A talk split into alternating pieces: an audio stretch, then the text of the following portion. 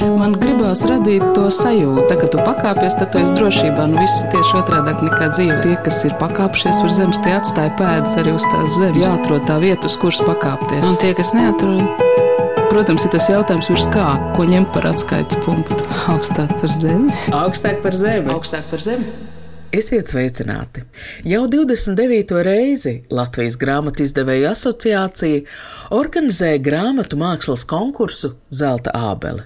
Izstāde ar 40 skaistākajām žūrijas izvēlētajām grāmatām šobrīd apskatām Rīgas centrālajā bibliotekā, tās filiālēs, Latvijas Nacionālā mākslas muzeja stendā, kā arī apceļo Latviju. Ar jums sarunājas Anna Bušvica, un mans mērķis šodien ir iepazīstināt jūs ar divu zelta abelē nominētu grāmatu dizainu autori Ilza Kalnbērziņa prā. Patiesību sakot, pēdējo gadu laikā neklātienē mūsu gaidas ar Ilzi Kalnbērziņu prā krustojušās jau vairāk kārt. Ne tikai nominēto grāmatu, tās ir Finnas Korderuda nemiers un Elīnas Kokarēvičs rēgi sakarā, bet arī gatavojot raidījumu par izstādi Etā minnā Zīben Zāben, kas interaktīvā negaidītā veidā 2020. gadā iepazīstināja ar Oto Bonga kara bēgļu nometnēs pierakstītajiem bērnu skaitām pantiem. Taču pienākumu sadalījums radošajā komandā parasti ir tāds, ka dizaineri intervēti tiek reti.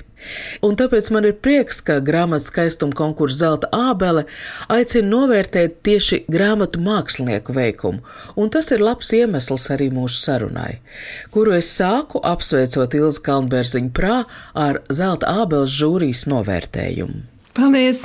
Paldies! Jā, es arī esmu ļoti priecīga. Abu nominēto grāmatu izdevējs ir Valodu māja, kas nav gluži izdevniecība, drīzāk tā ir dombiedru grupa. Valodu mājas pamatnodarbe ir valodu kursi, bet sapņi tiecās līdz pat valodu muzeja izveidēji. Un arī izdod valodu māju tikai tās grāmatas, kas viņiem personīgi cilvēciski svarīgas, un to skaits gadu laikā nav liels. Vai jūs grāmatu dizaina jomā tikai ar uh, valodu māju sadarbojaties? Uh, jā, vispār tā ir. Uh, es gan pirmo grāmatu, pie kuras es strādāju, es to darīju HDV, kad es tur biju praksē vasarā, skolas laikā strādāju. Tā, tas man bija tāds pirmais, kad es sastapos ar grāmatu dizainu. Bet tā nopietni, jā, es ar valodu māju kopā. Mēs mācāmies un uh, un strādājam pie grāmatu dizaina. Mācāties, ko mācāties? Nu, man nav tāda pārliecinoša sajūta vispār par to, ka dizainu varētu prast un darīt. Un man šķiet, ka tas vienmēr ir tāds uh, apgūves process, kaut kādi jauni konteksti un kaut kas jauns tajā visā. Uh, jo tas ir jauns autors, nezināms, jo tas ir cita tehnoloģija. Es tā nebiju iedomājies, bet jā, laikam es to tā redzu kā tādu mācīšanos. Cik sen jūs jau sadarbojaties? Tā, cik tie gadi varētu būt? Tad, kad man dzīvo otrs dēls, tad man liekas, ka mēs taisījām pirmo Pāvila Štola grāmatu. Tas bija seši gadi atpakaļ. Kārļa Universitātes filozofijas fakultātes Baltistikas nodaļas vadītājs Pāvils Štols iznākušajā grāmatā bija izpētījis Latvijas-Čehijas kultūras sakars, grāmatas nosaukums Latviešu kultūra un brāļu draudze.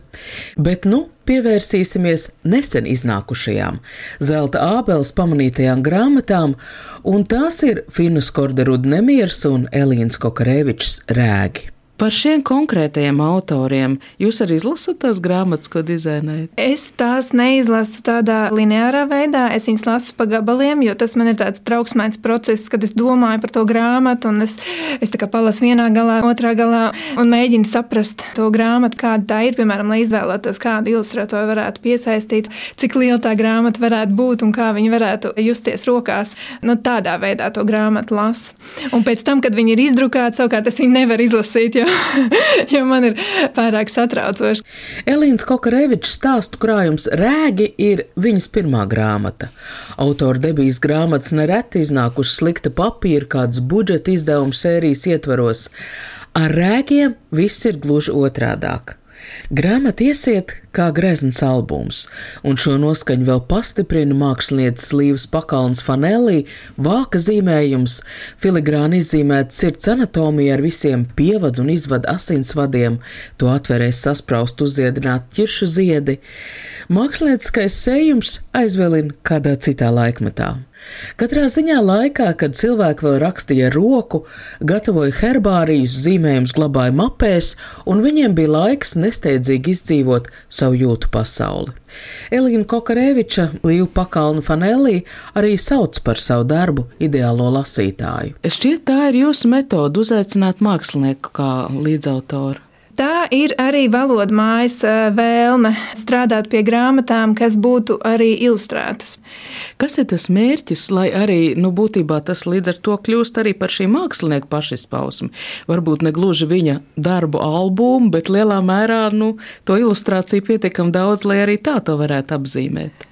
Mums nav tā, ka visām grāmatām ir bijušas ilustrācijas, bet tas ir par to, ka grāmata ir ne tikai lasāms priekšmets, bet arī skatāms un, un taustāms un, un tāds fizisks priekšmets. Un tāpēc ilustrācijas vai fotografijas ir Tas uzreiz tā iedod citu perspektīvu, un tas arī ļauj izdevniecībai un man kaut kā dot tādu noskaņu jo Elīnas Kokarevičs grāmatas gadījumā noskaņa ir ārkārtīgi svarīga. Nu, Elīnas grāmata savukārt ir, viņa pati izvēlējās ilustrātoru. Viņai, viņai bija ļoti skaidrs, kādā veidā viņa gribētu redzēt to grāmatu, un tad es un Elīna Štelpa, mēs strādājām ar viņu kopā un mēģinot to kaut kā iedabūt arī mūsu vīzijā. Tad Tā. jūs būtībā esat palīgi tikai īstenojot ieceri. Nu, šajā gadījumā tas tā bija ar uh, Elīnas grāmatu, jo viņai bija jau ļoti skaidra tā vīzija. Bet, protams, uh, nu, piemēram, um, mēs tur ļoti ilgi domājām, kā tur izcelt tos citātus. Kristīnas papildus rokraksts tika izvēlēts, jo mēs gribējām to uh, arī nu, veidot tādu kontrastu ar tām ilustrācijām, ka tās ilustrācijas tādas ārkārtīgi, nu, tādas, es nezinu, kāds vārds darētu labdzimušu jaunavu zīmēšanas kursu Jā, albums. Tas, tas, tas, tas, laikam, pasaka to. Un gribējās kaut kā tādu nedaudz skarbāku to rokrakstu, lai tas eh, iedod tādu saikni ar realitāti uzreiz.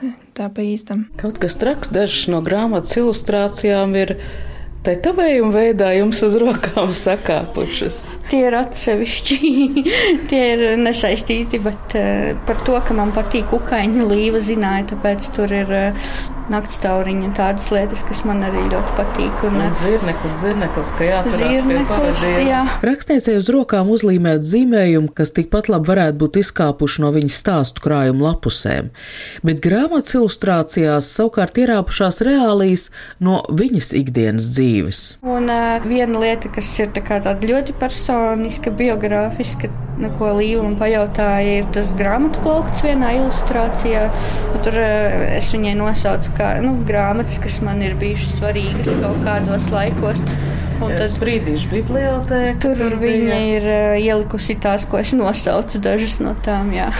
ja stāstu krājums rēgi, lai arī mazliet spokains, bet sniedz mākslas albumu estētisko baudījumu, tad norvēģu psihoterapeita un publicista Finnas Korderuda darbs Nemiers mākslinieckā iekārtojuma ziņā sniedz gluži atšķirīgas sajūtas. Arī šīs zelta abelē nominētās grāmatas dizaina autori ir Ilza Kalnbērziņa prā, izdevējs ir valodu māja, grāmatas ilustrācijas ir sadarbība ar mākslinieku, šoreiz tas ir karikatūra meistars Ernests Kļaviņš, viņa lakoniskie zīmējumi paši par sevi ir stāsti, tie pasmaida par filozofijas klasiķiem, izaicina no citas puses palūkoties uz pārstāstītajām slimību vēsturēm, taču īsteno noskaņu grāmatā rada Ilzas Kalnbērziņas prā dizains, lielo un mazo burtu mīs ritms, arī neierastais lapušu formāts. Kad grāmata iznākusi, paziņas esot grāmatas idejas izauklētājam, norvēģu valodniekam Snorēn Karkonenam Svensonam, bažīgi jautājuši, vai gadījumā viņiem nav trāpījies kāds brāķa eksemplārs, jo lapušu numuru noslīdējuši lejup papīra naža apcirsti. Jo Fīnus Korderuda nemieris ir pavisam mulsinoša grāmata. O, oh, jā. jā, tā mūs arī mulsināja. Un, uh, man liekas, tā mums bija pati konfliktuālākā grāmata, pie kuras mēs esam strādājuši kopā. No uh, Snoras puses bija dažādi ļoti skaidra vīzija, ko viņš gribēja, bet nu, tāda, viņš gribēja ļoti neparastu grāmatu. Teica, ka nu, šo vajag tādu neparastu. Man bija tāds sajūta, ka viņš man tā kā um, stumj tā kā formālismā, kas man ārkārtīgi nepatīk. Jo man liekas, ka grāmatām tomēr ir jāizskatās pēc grāmatām, un, un, un vajag varēt lasīt tās grāmatas bez tā, ka viņām nāk tas dizains pa vīstam virsū. Nu, tur ir jābūt kaut kādai tādai atkāpei pret to saturu. Ļoti ilgi ņēmāmies, un, nu, manuprāt, tas rezultāts tomēr eh, ir Nu, man, pat, man liekas, tā ir mana mīļākā grāmata, kas, kas mums ir tapusi kopā.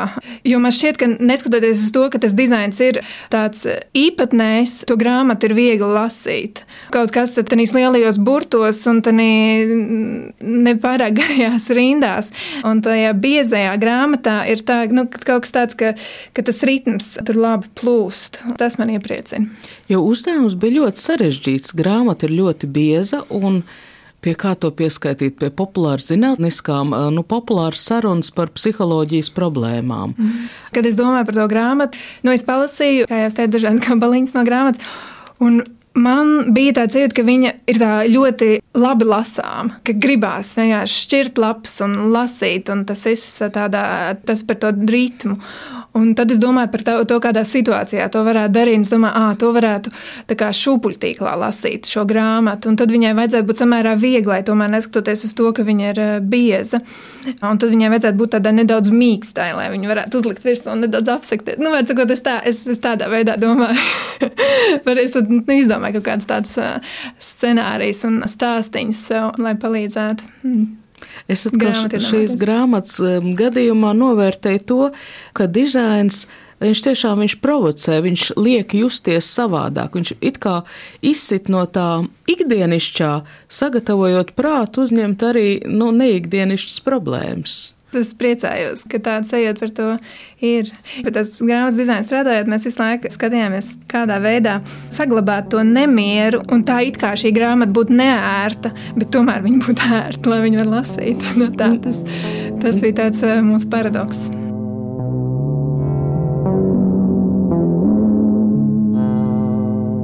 Visādi sēki putiņi, sēkim pereklēšiem, katrā krūmā šķierbā tik maņ nav neviena vorda izmēlis. Pie tukša dokumenta siežu, verūs, ka es strodi no zoļas izvalkojas līkas, vai varbūt sadrākaļai zemi. Cīši, kam ni skuteļs nepagaistu, ni gaļa pīšu. Itā jau kuru godu plikam kojam pie cereņu krūma i besētīs par pavasari, vot tevi nalīta, besakungs. Ir šogad tapusi vēl trešā grāmata - Marijas dzēslas, dzēslinīgs, jeb dzējoļu krājums, Vistas smirts. Jā, patiesībā tā nedaudz konkurē arī ar nemieru manā mīļāko grāmatu sarakstā. Šī grāmata man nāca ļoti viegli. Mēģināju lasīt tos dzējoļus. Man ļoti patika tie dzējoļi. Man tiešām ļoti iepriecināja tas, un es jutos tiešām priecīgi strādāt pie tik foršas grāmatas. Marija Dzēsla ir ļoti noslēpumaina personība. Latvijas rādio ēterā šo dzēju nolasīja valodniece dzēniece Ilza Spērga. Šogad iznākušais dzējas krājums, arī tā dizaina ir veidojusi Ilza Kalnbērziņa prā, tā nav gluži grāmata, dzējoļi iedalīti atsevišķās burtniecās, kas pagriežot uz leju mapi, izbirst ārā man liekas, ka dzējoļi, kas ir sasieti kopā, viņi kaut kā, nu, kaut kas tur tāds nedaudz par stīvu tajā visā. Un tāpēc man gribējās tos dzējoļus tā iztaisīt tādus, ka viņus var izbērt, paņemt kādu lapu un iedot kādam citam. Un, jo tas tāds dalīšanās prieks arī. Grāmatas tapšanā atkal ir iesaistīta mākslinieca, šoreiz vācu fotogrāfe Elena Helfrekta.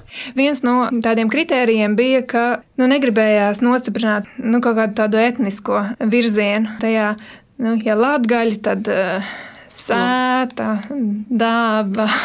Man liekas, ka jāļauj Latvijai būt daļai no pasaules. Nevajag viņu tik ļoti sargāt un izolēt. Iebilstu, ka tieši tā taču ir sanācis.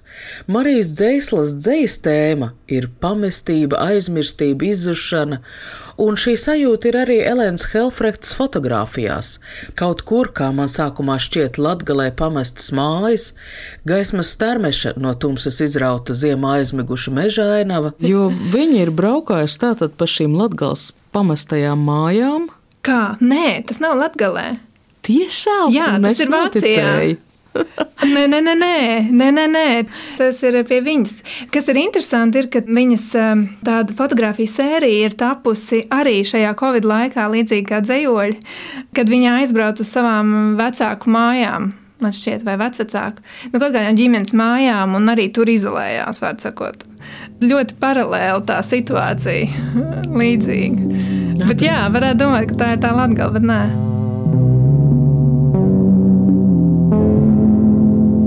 Par tekstu un vizuālo saturu es lasu, ka dizainers ir viena no jūsu profesijām. Paralēli ir arī antropoloģijas studijas, filozofijas studijas. Tātad nu, šīs divas profesijas ir saistītas vairāk ar tekstu. Tā, nu es tā gluži par filozofu vai antropologu laikam sevi neuzdotu. Bet jā, es eh, pabeidzu bakalaura studijas eh, filozofijā, antropoloģijā un arī kinoestētikā. Tas bija tāds eh, trīs zaru studijas. Pirmās man bija tas dizaina studijas, un tad es arī sāku strādāt kā dizaineris, bet man bija tāda sajūta, ka pēc dizaina studijām es kaut kā esmu pazaudējusi tādu kapacitāti konceptualizēt, vai, vai es neesmu attīstījusi to. man, man, bija, man bija grūti domāt par saviem projektiem, un man likās, ka tas ir tas glābiņš, ka man ir nepieciešams kaut kas tāds. Es domāju, ka tā arī varbūt bija. Pajautāšu pavisam naivi, kas grāmatā ir galvenais teksts vai dizains? Nē, nu, dizains, filmuļķības. Teksts, protams, dizains nevar būt galvenais. Kādas ir tās attiecības, kā jūs viņus redzat, kā jūs savā nu, pieredzē, varbūt ar piemēriem, kā jūs viņus risināt? Nu, tas, kā es strādāju pie dizaina, ir, ka dizains nekad nav galvenais. Es mēģinu strādāt ar saturu, un mēģinu parādīt kaut kādā saprotamā, pārsteidzošā veidā, kas varbūt dod vēl kaut ko klāt pie tā satura, ja man izdodas. Ilza Kalnbērziņa prā dizainers izglītību ieguvusi un ilgāku laiku dzīvojusi Šveicē. Korkantonēra Dāda Rozana. Un tad jūs turpināt filozofiju, kultūru, antropoloģiju. Noišatele ir kur Vācijā? À, nē, tas ir Šveicē. Šveicē aha. Tā filozofijas darba bija Lozanā un Briselē, Sanui fakultē universitē, un tā antropoloģijas darba bija Noišateles universitātē. Cik sen jūs esat atpakaļ Latvijā? Tā es esmu Latvijā. Atkal es skaitīšu pēc bērniem. Pirmajam bērnam bija pusotrs gads, kad es atbraucu atpakaļ Latvijā. Astoņi ar pus gadi. Ja kādam ir šaubas, vai Latvijai ir nepieciešama jauna kultūra būvju celtniecība, tad Ilza Kalnbērziņa to vilinājumam un izraisītajām pārmaiņām ir dzīves pierādījums. 2014. gadā jaunā Latvijas Nacionālās bibliotēkas ēka var durvis pirmajiem lasītājiem, Tā septiņos stāvos ir arī vairākas izstāžu zāles. Dizaineri pieņem darba piedāvājumu. Bet kāpēc jūs gribējāt tieši Nacionālajā bibliotekā? Um, nu viens ir tas, ka man gribējās atpakaļ uz Latviju. Un tāda likās arī nu, fascinējoša tāda iespēja, ka biblioteka pēkšņi būs tik milzīgā ēkā. Un, un izstādes, un tās, un tā, nu, un tas krājums, un gribējās visu zināt par to arī, nu tā. Atrod ziņu, ka pirmajā Latvijas Nacionālās dizaina gada balvas konkursā otro vietu starptautisku žūriju piešķīra dizainerei Ilzai Kalnbērziņai Prā par izstādi Civilizācijas nospiedumi, grāmatu kultūra literārajā Ķīnā, kas 2015. gadā bija skatām Latvijas Nacionālajā bibliotēkā. Citēju, augstu novērtēts izstādes skaidrais vēstījums un iespēja iepazīt ķīniešu grāmatu arī ar taustas palīdzību. Bija kāda izstāde, nu, kas jums pašai daudz ko deva, un varbūt tas nezinu. Nu, iespējams, ka tā arī bija tā izstāde, kur nu, man, tiešām, man tiešām iepriecināja. Tā, ar, ar kolēģi Soju mēs uh, tur strādājām pie tiem standiem un pie tās mehānikas. Tas man liekas tiešām forši izdevās. Jo no tā, kā tā izstāde bija nu, paredzēta sākumā, kā tāda nu, vienkārši paskatīties tur tās grāmatas, kādas nu, ir. Un tad līdz tas, ka tur bija interaktīvie stendi un ka tās grāmatas varēja aiztikt. Tas, viss, jā, tas, tas, bija, mm, tas man ļoti iepriecināja. Man liekas, tā arī bija tā izstāde, kas man vislabāk patika. Kā dizainerim, kas ir jūsu specializācija? Jo es ļoti sen atrodu, ka jūs esat arī nominēti par interjeru 2007. gadā par iekštelpu dizainu. Mm, tas iespējams strādājot HDV. Kā jau teicu, es ar to dizainu tā kā, tādu mācīšanos uztveru. Tad uh, mana tā pamat specialitāte skolā uh, pēc izglītības bija produktu dizains. Man paveicās, ka HDV man pieņēma vasarā strādāt pie viņiem, un tur es diezgan daudz uh, grafikas dizaina apguvu tieši. Nu jā, un kaut kā tā es arī esmu turpinājusi esmu atvērta dažādām lietām, un, un man patiesībā patīk tādi izaicinājumi un dažādība. Jā. Pagājušajā rudenī notikušās Londonas dizaina izstādes viens no lielajiem notikumiem bija Baltijas valstu dizaineru kopizstāde Taktilā Baltija. 18 izstādē pārstāvēto mākslinieku vidū bija arī Ilzas Kalnbērziņas prātdarbi. No apraksta saprot vien tik, ka viņas piedāvātajām taktilajām sajūtām ir kāds sakars ar kafiju, un lūdzu pastāstīt vairāk. Pagājušajā gadā pabeidzu maģistra darbu Rīgas Tehniskajā universitātē, pētot mālu. Nu, tīri tā, tiešām nu, tāds ķīmijas un fizikas viedokļi, kādā veidā viņu padarīt porainu. Tehniskā universitāte tas ir kaut kas cits nekā dizains. Tad, tad tur jūs maģistra. Tas bija dizaina institūts, bet tas maģistra darbs man tapa silikāta institūtā. Tā kā pie profesoriem Rūtas un Visāšu švinkām tiešām es ārkārtīgi novērtēju to, ka viņi man ļāva tādai nezinošai mācīties no viņiem un bija pacietīgi ar manu nezināšanu. Un, un jā, un beigās mums izdevās. Izzināt mālu, bet nu, ko jūs ar to iesākat? To es vēl nezinu līdz galam, ko es ar to iesākšu. Bet nu, mākslas man vienmēr ir paticis. Man no bērnības mākslas ir eh, ļoti tā, tā materiālitāte, un tas vienkārši man fascinējas. Bet šajā gadījumā, kad es sāku mācīties Tehniskajā universitātē pie maģijas darba, es no sākuma domāju vienu projektu, tur par mālu, arī par porainību un par to, ka tas varētu būt kaut kādā veidā uz uguns gatavojami trauki vai kas tāds. Bet tad eh, no Vaidavas viens Gunārs ticās, à, nu, ka viņš gribētu, ka tas būtu nu, arī par poraino mālu, bet ar kafijas biezumu piedevu. Būtībā, ja padara mālu poraināku, tad tas ir vieglāks un siltumizolējošāks, mazāk māla materiāls jāizmanto. Un tas, ko es pētīju, ir, vai to var izdarīt ar liešanas tehniku un kādas ir tās māla izturības, pēc tam rādītāji, un cik daudz var kafijas biezums tur pielikt, lai viņi turētos labi kopā un arī būtu glazējami. Tad mēs izveidojām vienu tādu sēriju kafijas rituālam, kas ir tādai uzliekamai kafijai. Nu, tā tradicionālā baltiešu kafija, kur ieber krūzē un uzliek karstu ūdeni pa virsmu, mēs visi no viņas nedaudz kaunamies, bet tāpat laikā tā ir tāda mūsējā, kad es uzzināju, ka tas cupping, kafijas degustācijas rituāls ir tieši līdzīgs, jo tas ir tas, kā viņi uzskata, ka nu, vislabāk var sajust gan to smaržu, gan to garšu. Tad likās, ka ah, nu tad tad tas patiesībā ir tāds ļoti smags kafijas dzeršanas veids, un tam vajadzētu speciāls trauks. Nu, tad tā sērija arī tapa. Un tagad tas ir nedaudz palicis tā nepabeigts projekts. Iespējams, ka šogad. Piedaloties kopprojektos, Ilza Kalnbērziņa prā, kā savu darba vietu radošo apvienību, ko viņa pārstāv, norāda kolektīvu. Šīs radošās vienības izveide ir kāds sakars ar darba Latvijas Nacionālajā bibliotēkā stāstu. Kāpēc tapa kolektīvs? Mēs kopā ar uh, Signu Veltiņu un Zanzēju Čkausku strādājām bibliotekā. Mēs sapratām, ka mums tāda ļoti laba dinamika veidojās, un mēs tiešām labi varam strādāt kopā. Tad kaut kādā brīdī mēs sapratām, ka varbūt ka biblioteka vairs nav īstā vieta, un, un uh, izveidojām to savu kolektīvu.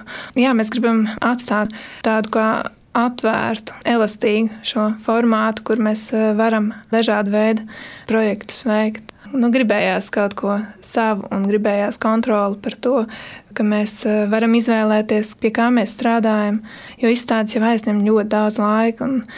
Es domāju, ka ar to ir ļoti grūti sev finansiāli uzturēt. Tā ir taisnība.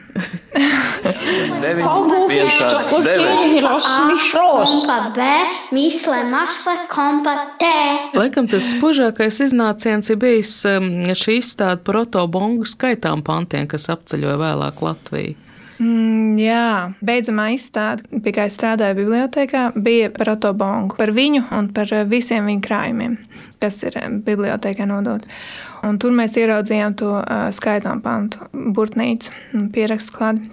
Mums viņa likās tik ārkārtīgi skaista un fascinējoša. Mums likās, par šo mēs uztaisīsim izstādi. Nu, tad pārskats vēlāk tiešām arī uztaisījām. Un, interaktīvu un skanošu. Bērni spēlējās ar bumbām, klausījās. Tikai bija tāda, tā kā bija tik daudz cilvēku, tie skaņas objekti arī visi eh, darbojās vienlaikus.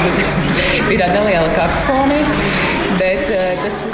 Atmiņas glabātājās institūcijās apslēptos stāstus un priekšmetus atkal atgriezt sabiedrības aktīvā apritē, ieinteresēt dažādu pauģu skatītājus, iedzīvināt stāstus.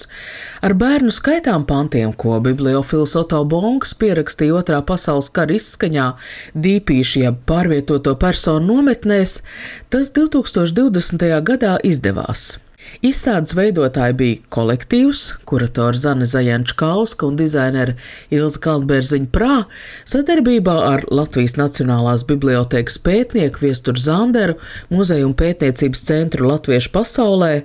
Šai ierakstā Zane Zajančkauska man izrāda, kā skaitām pantos atrastās zilbes, izstādētās uzrakstītas uz pingpong bumbiņām, skrien pa īpaši konstruētu trasi, rindojas īpašā stendā, Otrā izstādes telpā mazliet vairāk nopietnības. Oto Bonga pierakstu lapuses viņa dzīves stāsts, un tomēr Tiem, kas lasīt negrib vai neprot, pieejami skanoši spilveni. Arī šo spilvenu stāsts ir ļoti īpašs.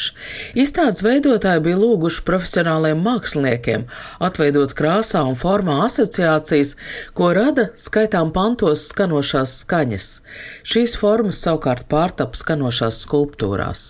Izstāde papīra e, kultūras namā Ziemeļblāzma Rīgā, Lūznavas mūžā, vēl kaut kur? Madonā. Jā. Jūs ceļojāt līdzi? Nu, tieši uz Madonas netika, jo tajā brīdī es biju Londonā, bet, bet jā, jā kolēģis ceļoja līdzi. Man ir radies iespējas, bet varbūt es kļūdos, ka no jūsu vistāv veikuma šobrīd vislielāko daļu jūs esat pieprasīti kā muzejos, kā ekspozīcija iekārtotāji, kā dažādu nu, tādu spēļu veidotāji. Nu, tas ir tas, ko mēs gribētu darīt. Tā ir jūsu vēlme, ja jums pie, uh, jā, ne, piedāvā. tā ir mūsu vēlme. Tas ir, ir mūsu vēlme, jo nu, Zāna arī tik ļoti forši strādā ar krājumiem, un tas, tas arī tieši tas, kas mūs interesē, ir uh, muzeja krājumi, kādā veidā to varētu parādīt uh, un kā ar to varētu strādāt pie, un nonākt pie kaut kāda tāda mūsdienīga un forša risinājuma. Un tātad šobrīd jūs strādājat? Mēs strādājam pie dzelzceļa muzeja ekspozīcijas Jēlgavā šobrīd tieši. Jā. Latvijas dzelzceļa vēstures muzeja Jelgavas ekspozīcija apmeklētājiem ir pieejama nu jau kādu laiku, kopš 2015. gada. Te var noskatīties filmas par dzelzceļa vēsturi, dzelzceļa modeļu demonstrējums, ārā var apskatīt divas drezīnas, hidrokolonu, luksoforu, semaforu un 19. un 20. gadsimta mijā būvēto majoru stacijas pulksteni. Šobrīd muzejam top jauna ekspozīcija. Pat ekspozīcija atrodas jau esošajā muzejā. Tas ir Jēlgavā, netālu no dzelzceļa stacijas. Tā ir dzelzceļnieku māja, kur agrāk arī dzīvoja dzelzceļnieki. Un, un muzejs ir veicis antropoloģisku pētījumu par dzelzceļniekiem un atmiņām, pierakstījuši dažādus stāstus. Un to pašu ekspozīciju arī viņi vēlējās kā tādu veltījumu dzelzceļniekiem, kā viņi dzīvoja, kā viņi sadzīvoja savā starpā, veidoja ģimenes, kā tas viss bija tāds universāls. Nu jā, un tad no tā cilvēciskā arī tā ekspozīcija iziet. Tas ir gan atklāt dažādas tās dzelzceļnieku profesijas, ko mēs nezinām, jo mēs nu, patiesībā tā ir ļoti daudzveidīga tās zināšanas un ārkārtīgi tehniski. nu, kādas ir tās dzelzceļnieku profesijas? Tā, nu, tur ir nu, mašīnists, jā, mašīnists, es zinu, es vadu vilcienu pārmīnieks, kas slēdz pārmijas, signalizē. Tad ir no stācijā dežurants, tad savulaik bija dažādi bagāžu nesēji un tā. Un, un tad ir vilcienu to vagonu smērētāji un apskatītāji. Un tur ir sakari visādi. Tad, Jā, ekspozīcija vēl nav pabeigta. Būs? joprojām strādāju, es joprojām strādāju. Nu, mūsu darbs ir pabeigt šo darbu pie dizaina un satura mm, līdz gada beigām. Un tad, tad nu, tas tehniskais projekts būs. Ar dizaineri Ilzi Kalnbērziņu prā sarunājās Anna Buševica, šī raidījuma skaņoperators Valdis Raitums.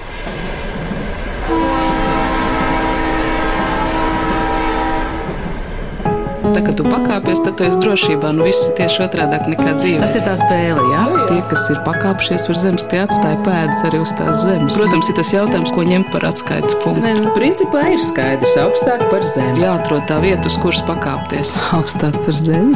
Augstāk par zemi. Augstāk par zemi.